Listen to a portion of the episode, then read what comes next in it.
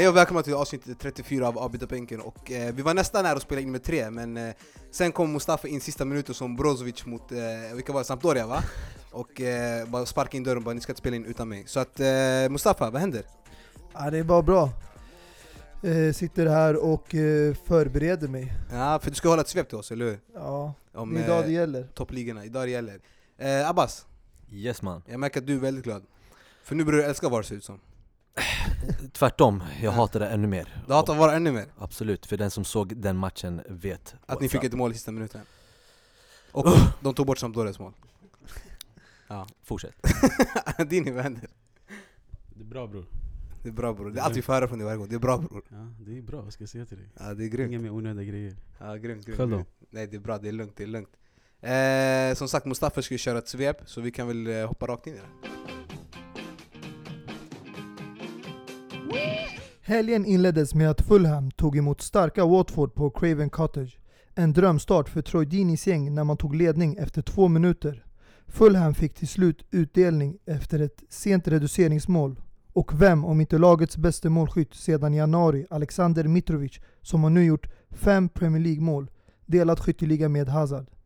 Guardiola var tillbaka på bänken efter avstängning i Champions League och City var omladdade på nytt. Man satte hela fem bollar i målburen borta mot nykomlingen Cardiff utan Kevin De Bruyne och David Silva. Det röda tåget i Anfield fortsätter att marschera framåt efter en komfortabel seger mot Southampton. Salah var tillbaks i, mot- i målprotokollet efter tre blanka matcher. Helgens största besvikelse är nog den röda sidan av Manchester. Sir Alex Ferguson fick stående ovationer i sin återkomst till Old Trafford efter hjärtattacken men blev nog lika ledsen som fansen när United tappade två poäng hemma mot Wolverhampton. Tre raka förluster, lagkapten saknad. Det här var nog Pochettinos jobbigaste period i Tottenham sedan ankomsten i 2015. En efterlängtad vinst mot ett bra Brighton blev fin avslutning på veckan för Spurs. Tveksam och omdiskuterad straffsituation. Tiki-taka. Enligt Pedro är Chelsea på väg mot en ny era, men inte denna gång. Trots sin dominans fick man inte hål på ett kompakt West Ham och första poängtappet var ett faktum. Spanjoren själv var saknad efter en axelskada. På andra sidan London stod anfallsparet Lacazette och Aubameyang för målen i en jämlik match mot Everton. Laviola har blivit allt mer en underdog till Champions League-platserna i Serie A de senaste åren. Nu befäster man en tredje plats delad med Sassuolo som också skrällade och ligger nu på tredje plats delad och den enda matchen man förlorat är mot Juventus. Inters tur har äntligen vänt. Efter ett sent avgörande mot Spurs i Champions League kom det ett mål i tilläggstiden mot Sampdoria. Denna kväll fick båda lagen ett var sitt mål bortdömd. Ancelottis experiment gav resultat när man besegrade Torino på bortaplan. Vi fick se Luperto och Marco Rog från start där Callejon agerade som mittfältare och Zielinski på bänken. Atalanta verkar njuta mer av mötena med de bättre lagen än de mindre. Först 3-3 mot Roma och nu 2-2 mot Milan efter förlust mot både Spal och Cagliari. Gattuso har långt kvar till att återuppliva Rossoneri. En gråtandes Ronaldo lämnade Spanien och anlände med ett leende till Italien där han målade igen för Bianconeri. En svajig match ända fram till slutet som visade trötthet efter en jobbig Champions League-vecka. Krzysztof Piatek fick näta igen trots förlust mot Lazio. Den nye Lewandowski sitter på toppen av skytteligan efter helgens omgång.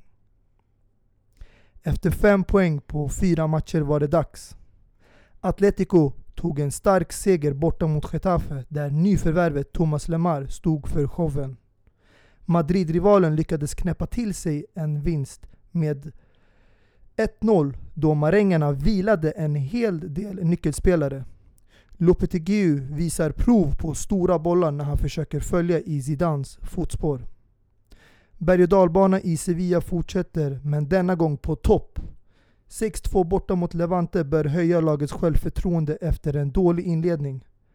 Barca fick mer än förväntat på Camp Nou mot Girona, där nyförvärvet Lenglet stod för helgens fuling med armbågstackling.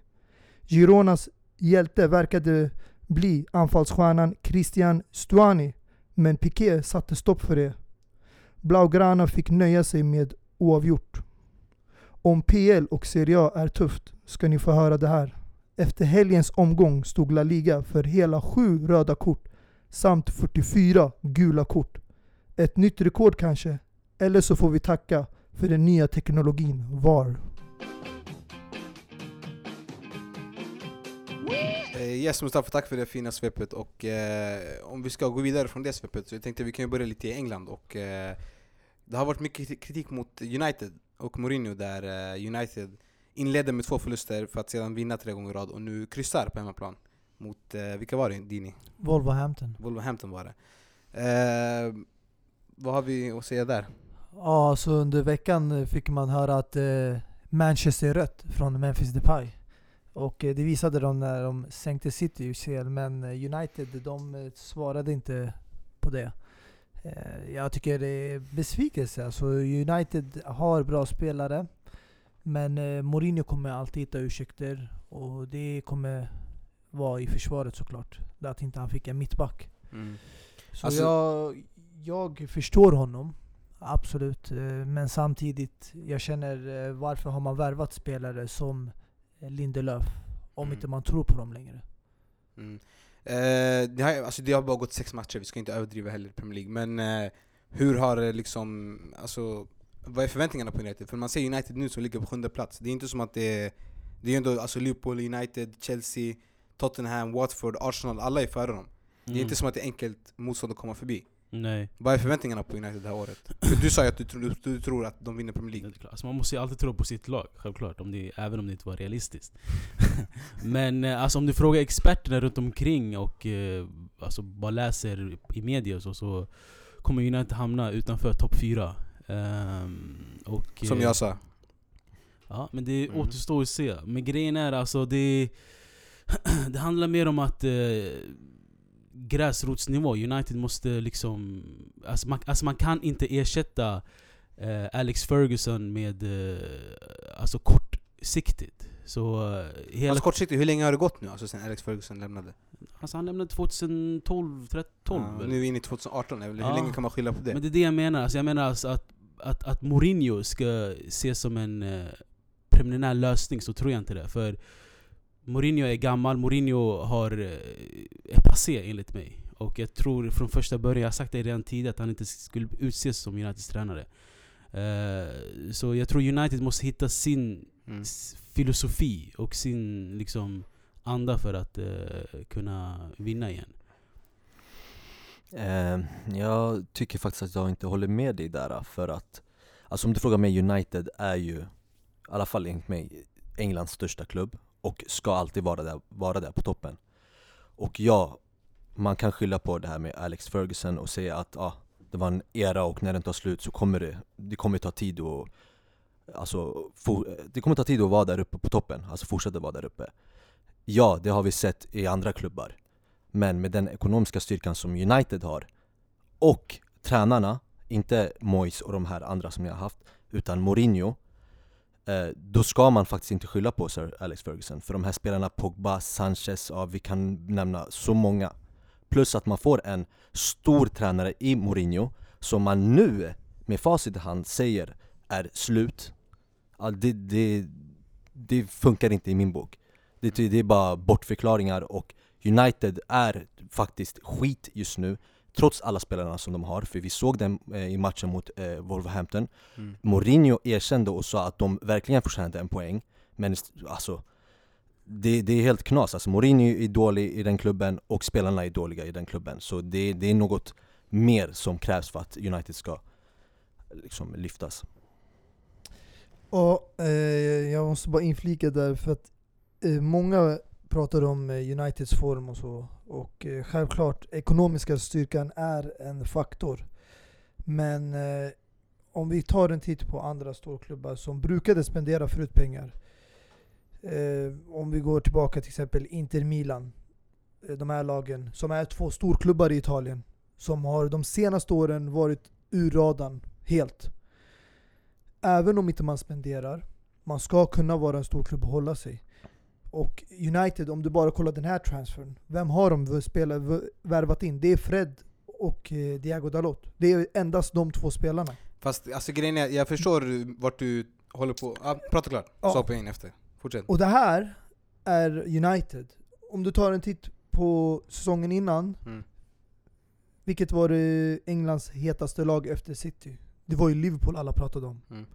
Och Liverpool, kolla skillnaden på deras värvningar den här sommaren jämfört med United. De gick in och verkligen värvade för att vinna ligan, för att komma och ge igen. För att de vet att om du ska kunna utmana på alla fronter och kunna ha en stor trupp och rotera, du måste kunna också ha kvalitet på bänken, inte bara i startelvan. Annars att spelarna blir liksom utmattade. Mm. Och det är därför jag också vill påpeka att pengar är inte allt. Och det har Zidane visat mig och hela världen med sitt Real Madrid han byggde upp. Mm. Han byggde inte till Real Madrid på samma sätt som Pellegrini eller Mourinho eller Ancelotti gjorde med Real Madrid. Han byggde Real Madrid med mycket spelare som inte kom från pengar. Och han hade inte den ekonomiska styrkan. Men ändå lyckades han vinna tre Champions League, så hur förklarar du Men det? alltså ska, ni, ska, ska du ska ni skylla på att de inte har spelare? För att för mig, det här är så här. Alltså, Jag måste få svara. om ett, ett lag där folk har Pogba, vi har Alexis Sanchez som har hämtat Tack. in Nej, nej. Eller, eller Real Madrid som har Cristiano Ronaldo, men de har. Bale, Jo, jo, Modric, men det Kroos. du inte förstår, Alltså, det är att till Att- exempel... Okej, backlinjen är lite skakig, det kan jag hålla med om. Jo, men att skylla på att man inte får in spelare, det är lite Men det är till exempel, jag försöker förklara här. Kolla på Tottenham. Tottenham Ja, åkte nu på tre raka förluster. ja, Ingen kritiserar dem. ja. Och vad tar man upp då? Jo, att United har spenderat mer än Tottenham. Men i det här fallet, det spelar ingen roll hur mycket du spenderar. Frågan är vad har du för kvalitet i laget? Pochettino har varit i Tottenham mer än vad Mourinho har varit i United. Och han har byggt upp det här laget. Han känner igen det här laget bättre. Och han har, enligt mig, ett bra lag. Det finns ingenting att komma ifrån det, även om du inte har värvat någon. Men ändå, det enda folk tar upp hela tiden, det kommer vara värvningar. Sanchez, Pogba, det kommer vara det här. Men värvningar är inte allt, det är det folk måste förstå. Det är så mycket mer än bara värvningar. Mm. Alltså jag, måste, jag höll ju mitt argument väldigt, väldigt kort och eh, du nämnde ju Milano-lagen och jag förstod inte faktiskt vad du menar med det För jag kunde, alltså jag, det var dit jag ville komma egentligen när jag nämnde United För man ser ju andra lag som inte har de pengarna som United har Och det var och därför de jag nämnde faller. Tottenham. Och då nämnde du Milano-lagen, vilket Ja. jag inte förstår alltså, Jag ska förklara för dig nu eh, Båda Milano-lagen har aldrig haft pengar sen eh, efter 2010 då, efter 2012 kanske. Man har, man har köpt spelare som jag verkligen inte, jag vill inte nämna dem nu. Det finns så dåliga spelare som man har värvat in. Tränarna, samma sak där, man har gått i Inters fall från Gasperini till Stramaccioni till tränare som ingen känner till.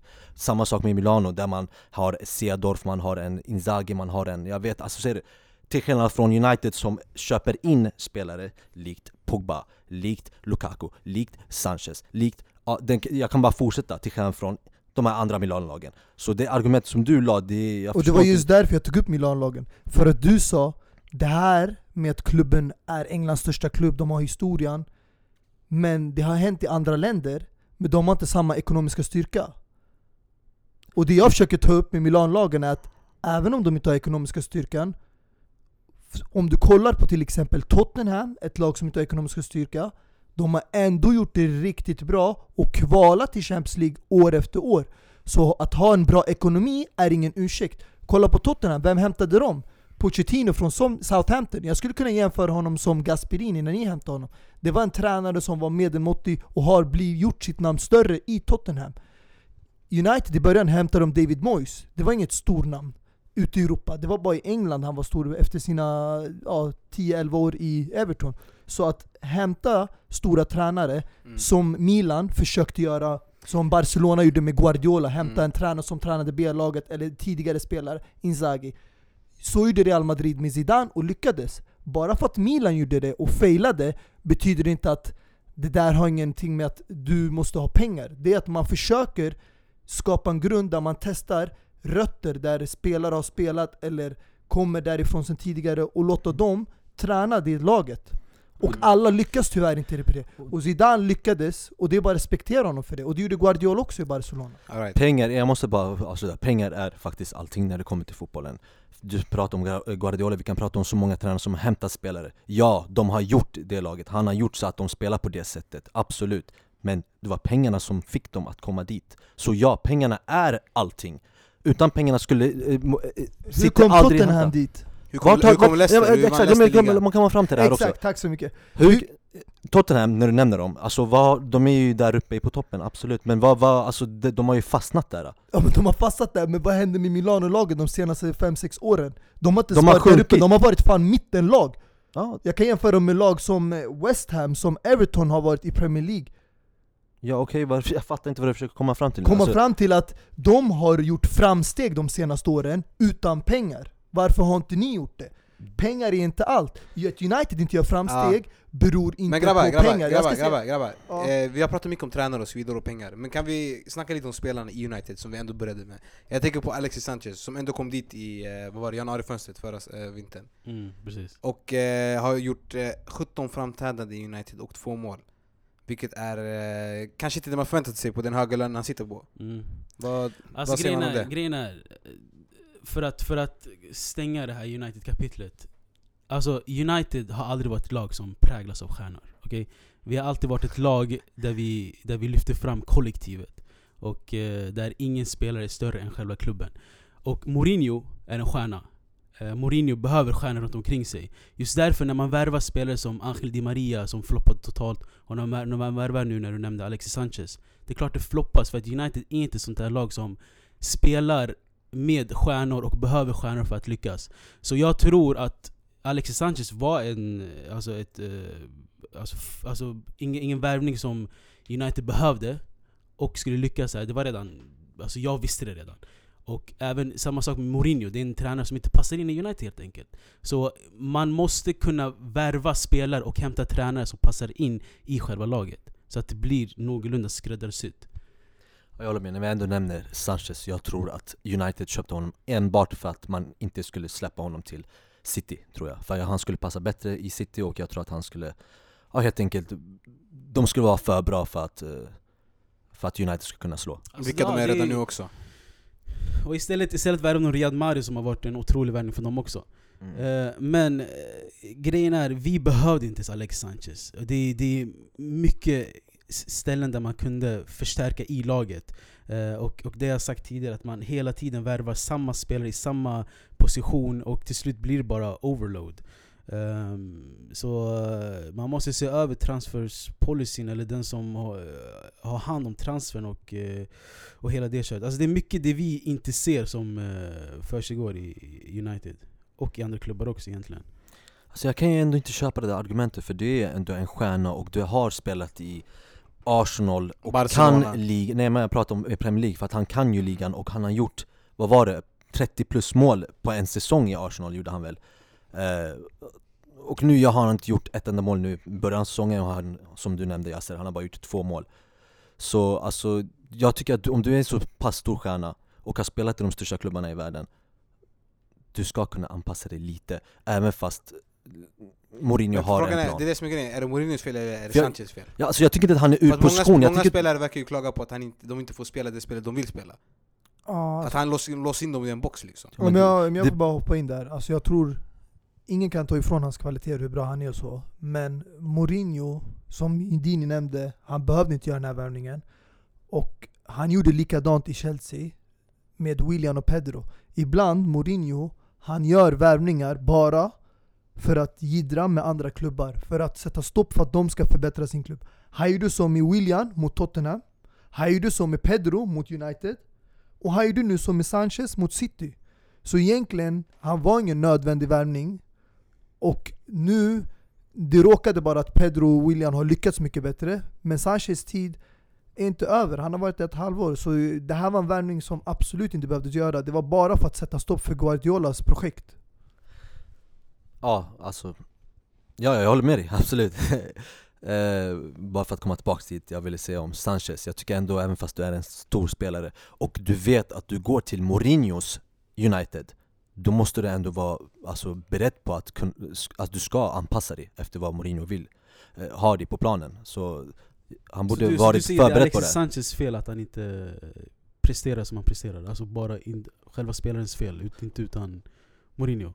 Nej, om, alltså, att han vet att Mourinho är om, på alltså bänken i Ja, alltså jag United. menar att, det är, alltså, att Sanchez är så pass dålig just nu, det är för att det är Sanchez fel helt enkelt, att han inte presterar, det är det du försöker säga Ja, bland annat. Men hur jag förklarar, tycker att men han- hur förklarar du alla andra spelare som inte presterar heller? Samma sak där, vadå? Det, det, Jag det, tycker att det, spelarna ett inte är mönster, bra det, det är ett mönster, det jag försöker säga till dig. Det är, ett, det är ett spel som spelarna inte kan spela som, som Mourinho försöker tvinga in i laget. Så uh, det är, jag säger så här, det är, Mourinho passar inte in i Uniteds alltså anda helt enkelt. Alltså jag måste bara säga det att eh, eh, Sanchez eh, bär absolut inte ansvaret. För att om du, Mohamed, du nämnde när han gjorde 30 mål. Det Mm. folk glömmer bort är att när Sanchez var som bäst i Arsenal var han när han spelade central anfallare. Och då hade de inte Lacazette och Giroud satt på bänken. Nu spelar inte Sanchez centralpositionen, utan det är Lukaku. Och det är därför inte man får ut det bästa av honom när han är ute på kanten. Ja, f- får jag avsluta det här bara med en grej? Sista vad jag tror United eh, saknar i alla fall jag tror det är anfallet. Jag, jag säger inte att Lukaku är dålig, jag tycker att de saknar en anfallare som kan ta bollen, inte bara göra mål, utan även kunna passa vidare den. En, en Suarez i sin bästa form, en eh, Ibra i sin bästa form, en, du vet, en sån här som kan göra allting. För det känns som att det är för mycket där i anfallet, för det tror jag också är felet i United. Lukaku vill göra mål, Sanchez vill göra mål, Rashford vill göra, göra mål, alla, alla vill göra mål, Pogba står där bakom och vill göra mål Alltså, Ja, men det är för mycket exakt. på, på, på alltså, Men det, är det, det är det jag tror, Sanchez, han behöver vara den, alltså, stjärnan i laget han spelar i. Och tyvärr är det inte så i United. Yes, så vi går vidare till eh, lite mindre röriga nyheter och eh, snackar om en eh, ny turnering som är på gång i Europa. Eh, vad heter den Abbas? De har inte kommit fram med ett namn än va? Nej det har de inte, men de har eh, fått ett grönt ljus för att fixa den här nya turneringen eh, Och det är då presidenten i Juventus, Agnelli, som har då gett det här gröna ljuset Så under 2021-2022 så kommer då förmodligen den här kuppen att införas Och för de som inte känner till den så är det så att, ja som du sa Jesse, det kommer komma en tredje ny turnering Uefa, alltså Europa-turnering. Det finns ju som sagt Champions League och Europa League. Eh, Där Champions League har 32 lag och där Europa League har 48 lag. Och i och med den här nya tredje turneringen så kommer då Europa League att bantas till 32 lag. Det är vad man tror i alla fall.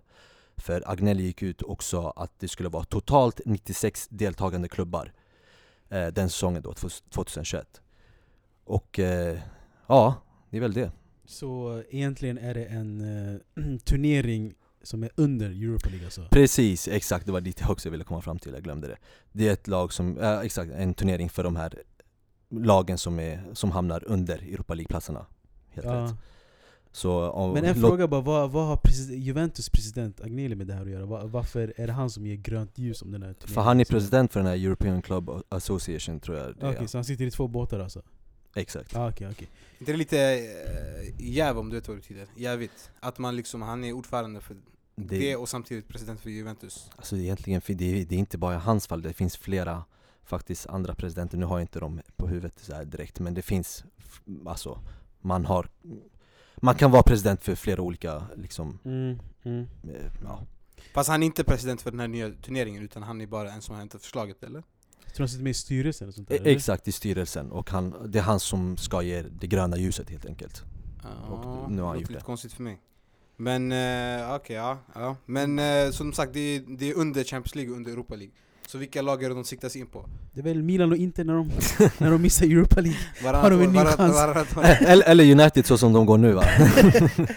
Så Nej. grejen är, alltså meningen är att, att, att liksom lag som hamnar, vad blir det? Sjunde till tionde? Ja, I respektive förmodligen, ligor exakt. ska uh, komma, Fast det som är kul sammans. också, det är ju väl att de här äh, mindre lagen, typ Allsvenskan och de här också kommer väl kanske ha en ganska garanterad plats nu om man vinner, Mm. kommer två, tre i Allsvenskan också. Ja. Till de här turneringarna. Alltså jag känner såhär, så man, man, man kollar ju knappt på Europa League. Alltså man kollar knappt på när, om det är två lite sämre lag i Champions League som spelar. När fan ska man kolla på den här eh, turneringen då? Jag tror det blir mer så här äh, när det är typ av våra lag här i Stockholm som kanske spelar. Exakt, Ja. jag tror det är AIK, därför. Det här, är- det här är en chans för mindre lag I de stora eh, ligorna också, men eh, även som du sa Jesse, här i Sverige Alltså en, en stor chans att visa upp sig Mm. eh, Ja, man kanske inte kollar på den ligan men det är ändå, du visar, du visar att du är ett bra lag ute i Europa Mm. genom att kanske vinna den här och vem vet, den som vinner den här kommer Få en i alla fall i- det minsta ja, få en plats i Europa, Europa League. Men League. vem vet, det här förslaget är ju Det kanske blir en Champions League också, man vet ju aldrig Ja. Och sen är det en bra plats för spelarna att visa upp sig också. Alltså spelare som spelar i mindre klubbar. Att Exakt. Man, Man kanske kan gå från typ AIK till något annat, något annat kanske Europa League-lag. Exakt, nivå upp liksom. precis Ja, exakt, man har, spelare har chans att visa upp sig på den här lite större scenen. Men alltså jag känner alltså det blir för mycket. Det är, alltså grejen är spe, då lag som eh, skulle ha sitt mål och eh, kvala sig till Europa League eller eh, ha chans på att komma till Champions League-platser kommer nöja sig med att hamna på den här nya cupens turneringar bara känner jag. mm. Så eh, jag känner att man, man, man sänker nivån en aning Mm. eh, och, och låter storklubbarna vara för sig själv, mittenlagen vara för sig själv och de här bottenlagen vara för sig Men själv. det, det här kan ju också vara bra, alltså om man tänker efter egentligen Hur för, menar du? För, stor, eh, för storklubbarna då För man vill ju inte hamna sjunde plats och kvalificera sig för den här turneringen För man kan ju inte hoppa ut en turnering, eller hur? Nej, eh, ja. Så alltså, tänk dig United nu, Ja, och så som de går nu, låt oss bara säga om de kanske hamnar sjunde plats ja. Fast Och- det behöver inte vara dåligt, för grejen är att om du tänker så här, alltså Europa League, okej där kanske man inte vill chansa med att spela med, med juniorerna.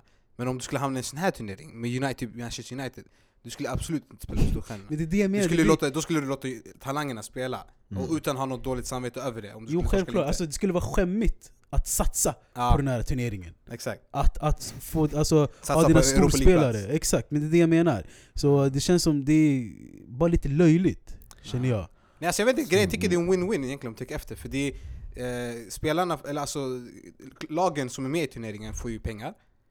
Eh, de får en chans att visa upp sig. Exakt. Och de här större lagen som hamnar där på de här platserna, typ Inter och Milan som vi sa, de har en chans att låta deras talanger luftas och liksom spela stora turneringar. Så att jag tycker bara det är en win-win egentligen.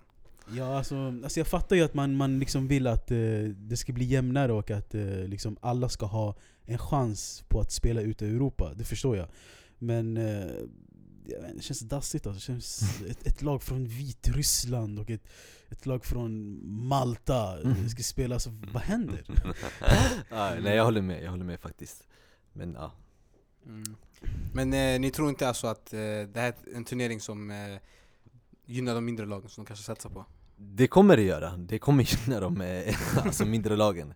Det kan vi ju konstatera, absolut. Ja. Eh, Däremot, alltså som sagt, det här är ju bara ett förslag som Agnelli har gett alltså, det är ganska spikat, det är inte, det är, det är inte Det är inte spikat att den kommer gå, eh, för, alltså, gå igenom. Men att om någon som, han, alltså Agnelli ger grönt ljus för det här alltså, alltså det är under progress om vi säger så.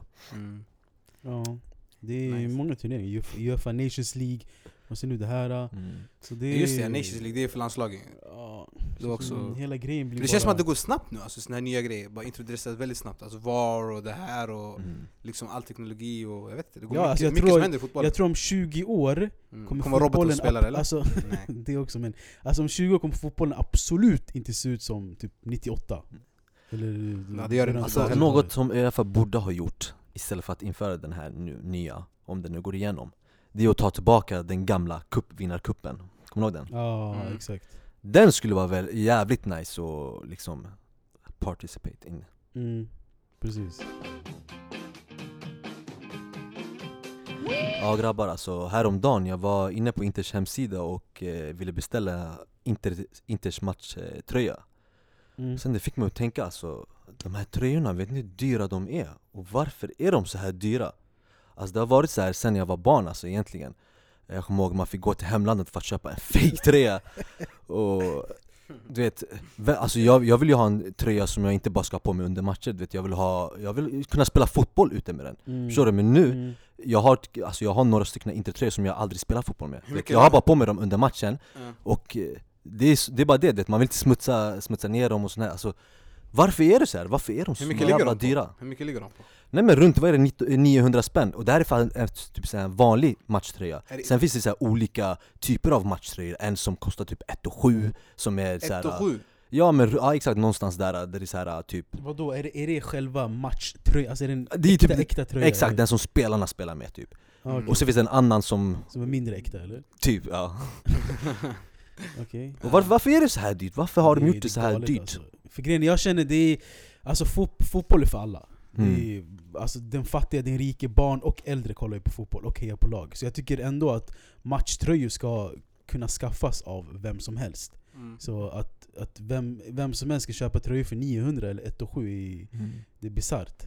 Alltså det är för mycket, alltså 900 spänn, det här är om du ska köpa till din unge Alltså, det, alltså där rök barnbidraget, förstår du?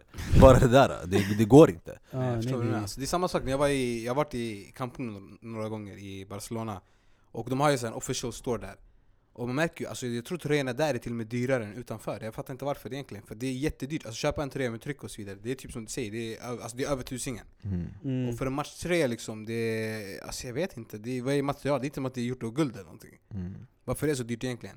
Men det är väl ett sätt kanske att eh, alltså lura supportrar känns det som Ja eller lura, casha in, de Tjäna är smarta ja, inte, Det är därför, du vet när man säger, pratar om Cristiano Ronaldo till exempel När de värvade honom, Real Madrid eller Juventus Att de skulle få tillbaka Pengarna. mera Ja. av det de Ja, betalar bara på eller klä, sådär. kläderna Såklart de ska få tillbaka det, när de kostar så här mycket Mm. För jag hade ju spikköpt en Ronaldo-tröja om jag var Juve-fan liksom. Det är sant Det skulle det Men grejen är, är det, är det, alltså det är väl inte klubbens största inkomstkälla, alltså tröjförsäljningar? Mm. Det är det väl inte? Det är väl reklam och sånt, och Ja. tv-rättigheter och skit Och, och dessutom så kommer det alltid en ny upplaga varje år. mm. Eh, så vadå, blir det att man spenderar 1 och 7 eller vad är det, 900 varje år på en matchtröja? Mm. Jag såg att man United, de fick ju väldigt mycket kri- kritik också Dini. Eh, De hade ju De hade ju typ såhär det dyraste matchstället någonsin i England, eller hur? Mm. Typ vad var det? Nästan upp till 200 pund för, en för ett kit Ja. Och det fick ju mycket kritik för Jag tror de, De- sänkte priset Ja, de, de ändrade ju priset sen, det var ju helt Ja. sjukt. Det är bra att supportrarna sa ifrån i alla fall Ja, så, när, när de är så här dyra, du vet, man vill ju bara köpa en fake tröja Men det samhället som vi lever i, i, eller i världen faktiskt, det är ju pinsamt att gå runt med fake tröjor så Ja, en tvätt Man får brösta, alltså. En tvätt så blir inte tröja bara en vanlig så, så blå, en svart blå tröja. Ja, exakt. Så det, men grejen är det, man kommer behandla de här matchtröjorna som, som finkläder, där man bara, som Ah. han vill säga att man bara Fast det har ju blivit också, jag vet inte om har märkt det som en trend, typ i USA du vet de här rapparna, alla går runt med Mm. Juve-tröjor, du vet den här rosa Jag såg Drake hade en sån Jag ser typ Mick Mill har Barca-tröja mm. Det är ändå, alltså det, eftersom att det, alltså, det är så dyrt, det kanske har blivit en grej, jag vet inte Ja, Ja, ja, ja, kanske. Eller? Möjligt. Det är, matchtröjorna kanske inte är det de brukade vara, att det bara var liksom för fotboll och för det laget man supportar. Det, det har blivit en alltså, mode typ. Att det, Mm, jag kommer ihåg en bild som, alltså länge sedan man såg typ, Snoop Dogg hade en Barca-tröja på scen, kommer du ihåg den eller? ja. Mm. Så gick alla bara 'Ey Snoop Barca-fan' Jag kommer ihåg den där, det Sen var, man ser, nästa under, visste man att han har på sig en Ajax-tröja. Exakt, exakt Så det var den där under hans konsert i Barcelona tror jag det var Och det var, han hade numret och nummer 14 på ryggen och med namnet Henri Ah. Och då var Henri där också tillsammans med honom och gästade och okej, de var okej. liksom där tillsammans under Ah. konserten då Mm. Kommer jag ihåg. Snoop Dogg Mm. Nej men det är kul när man, eh, jag vet det finns ju vissa så här kändisar som supportar klubbar på riktigt också Mm. vet, eh, Vänta vad fan var det jag tänkte på? Vem? Eh, det var någon rappare som supportade något Chelsea, jag tror det var Chelsea Vilket lag var det? Vem? Vem tänker du på? Jag kommer inte ihåg vad fan det var jag tänkte på Ja alltså det, Mm. jag vet fan, det, alltså, egentligen det här har inget med tröjor att göra Vet du, det här med när, när, jag tyckte det var intressant bara hur vilka när kändisar går runt med tröjor och Öppet, sånt typ såhär Nadal han, supportar ju Real öppet ganska hårt tror jag. Mm. mm. Det skulle inte förvåna mig ändå om han skulle gå till Barcelona och hälsa på dem och sådär Jag tror han har gjort det Det är ändå kändisar, ja exakt, jag Mm. tror också han har gjort det Ja. Nej men hur som helst Vadå alltså, vilka finns det som supportar Inter? Det finns inga jag, ah, Vi såg ju Adam Sandler vara där Adam Sandler, han var, på, han var på besök i Milano bror, och sagt att han supportar er Han, Nej, men vill, det han finns- vill se komedi som sagt. Exakt. Nej men det finns jävla, jävligt äh, massor Han vill se med. komedi. ja. Nej, Men låt oss skita i det där, låt oss landa fortfarande. Jag vill landa i- kvar i den här med tröj, tröjförsäljningen. Och jag hoppas att de här storklubbarna kan lyssna på våran podd. För sänk priserna för fan alltså. Det är, Jag vill fan köpa men jag vill inte vara broke samma dag, förstår du? Alltså man vill ju supporta faktiskt Nej men alltså, egentligen, vet, du, vet du vad jag vill köpa? Jag vill köpa de här gamla matchtröjorna där ens gamla favoriter brukade spela. Förstår du? Mm, Jag vet mm. inte typ om, typ om man kunde köpa Rekobas tröja, eller man kunde köpa Mm. Paul Scholes tröja. Och vet du vad sjuka är? ja. Det är värre nu att det är de dyrare. här, Exakt, de där tröjorna är dyrare ja, det är För för att det är en vin- det? är vintage och den Ja. är typ vad säger, jag, typ Mm. antikvara nästan. Det finns ju, har sett de här Barca jubileumtröjorna 99? 1899? mm. Har du sett dem eller? 1899 Ja, till alltså 1999, alltså såhär Ah, okej. jubileum. Har du sett Ah. dem eller? Nej. Ja, de är skitkattiga i alla fall. De, är, de där skulle jag vilja köpa också faktiskt. Ja men det är det alltså. Ja. Även om man vill köpa de här gamla upplagorna, det är, de är dyrare än Ja, det är årets den, det är upplaga. alltså. Så det, det är så tråkigt alltså att det är så. Ja, vi får faktiskt. väl- Vi får göra våra egna tröjor. Ja det är den alltså, det, ja tyvärr. Man får köpa typ såhär två säsonger sen, tröjor. Mm. Mm. Och liksom att man haft dem i två säsonger typ. Exakt.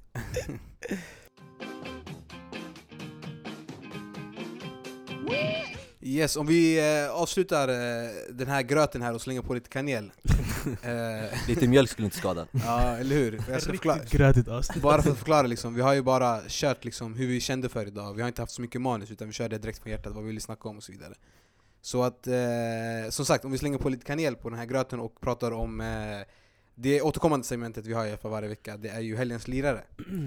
Där vi alla har valt ut en spelare som vi tycker presterade väldigt bra under veckan. Mm. Och eh, vi kan väl börja med dig Dini. Yes. Min spelare ehm, blev en målrik match eh, mellan Sevilla och Levante. Gjorde tre mål och eh, en assist. Och eh, i samma lag så gjorde en annan spelare tre assist och ett mål.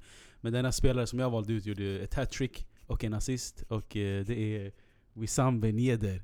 Som, eh, som kommer lite till åren men eh, presterar jättebra, spelar i det franska landslaget, bara spelat en match där. Men eh, hamnar lite i skymundan där. Och eh, om det är någon gång... om det... Vad gör du? Alltså, är så om det är någon säga- gång... Innan vi fortsätter, det var någon som släppte vind i studion utan att skämmas. Och vi behöver inte säga vem det var, men om ni hörde ljudinspelningen så vet ni. Så, så, så om det är någon gång Wissam Ben Yedder eh, alltså ska byta upp sig till ett nytt lag och visa upp sig så, det, så är det nu, för killen är 28 år. Mm. Men min helgens lirare är Wissam Ben Yedder. Aida Abbas, har du någon helgens lirare till oss då? Absolut, det har jag. Eh, spelaren som jag fick ögonen på under 2008, OS OS va? 23, Ja. precis. Eh, spelaren med way, way, way, way, way back, men eh, text av peruk då, antar jag. Eh, nej men spelaren spelade då i Parma och gjorde ett otroligt mål nu senast. Ett klassiskt mål som han brukar göra. Gervinho pratar jag om. Han sprang från straffområdet nästan hela vägen upp. Bara sprang igenom eh, försvararna och gjorde mål helt enkelt. En riktig, Mm. Riktigt fint mål måste jag säga. otrolig spelare helt Han lever fortfarande alltså. Det gör han och han ska i alla fall enligt mig och borde ha haft en större karriär än den som han har haft. Större än hans panna alltså. Nej jag skojar bara. Ja, fortsätt. Eh, Mustafa, helgens lirare. Eh, Min helgens lirare var en spelare från eh, franska ligan. Och eh, det var en spelare som är mer mogen, mer erfaren nu. Talang förut i Chelsea och utlånad likt många andra. Men har gjort det bra nu i Lyon. Och bildat en farlig anfallstrio med Memphis Depay och Nabil Fekir. Min spelare är Bertrand Traoré som stod för två mål mot Olympique de Marseille när de vann 4-2 eh, i en eh, hektisk match. Där eh, Marseille åkte också på ett rött kort. Och de kommer också från en eh, fin seger borta mot City i Champions League. Så det är någonting fint Lyon håller på att bygga på och eh, hoppas att det fortsätter på det här spåret. De har ju tappat fina spelare tidigare och kommer troligtvis göra det framöver. Mm. Eh, nice. Min eh, helgens lirare det är faktiskt en spelare som spelade mot mitt favoritlag igår. Det är eh, Christian Stuani som eh, stod för två mål mot Barca, visserligen efter utvisningen på Lenglet. Men eh, ändå, två mål mot Barca och eh, han är en spelare som gjorde 21 mål förra säsongen i La Liga och bara hamnade bakom eh, spelare som Leo Messi, Cristiano Ronaldo, Suarez och Iago Aspas. Trots att han spelar i Girona. Så det är en spelare med stor kvalitet. Och eh, vad var det jag skulle säga? Just det, han, hade, han är den enda spelaren på, under 2000-talet som har gjort mål mot Barcelona och Real Madrid under ett kalenderår. Så att, eh, det är en stor spelare faktiskt. Mm, fin spelare. Påminner om lite en Cavani light. eh, som spelar i samma landslag som eh, Cavani i Uruguay. Mm, Eh, så det är en fin spelare. faktiskt. Men eh, om vi är klara där så kan vi väl avsluta den här gröten och knyta ihop säcken. Exakt. Vad säger ni? Och eh, Absolut. till, till nästa avsnitt så blir det mer ett, en, en fast föda. Yes, tack för oss och eh, vi är tillbaka nästa avsnitt då. Yes. Peace! Vi gör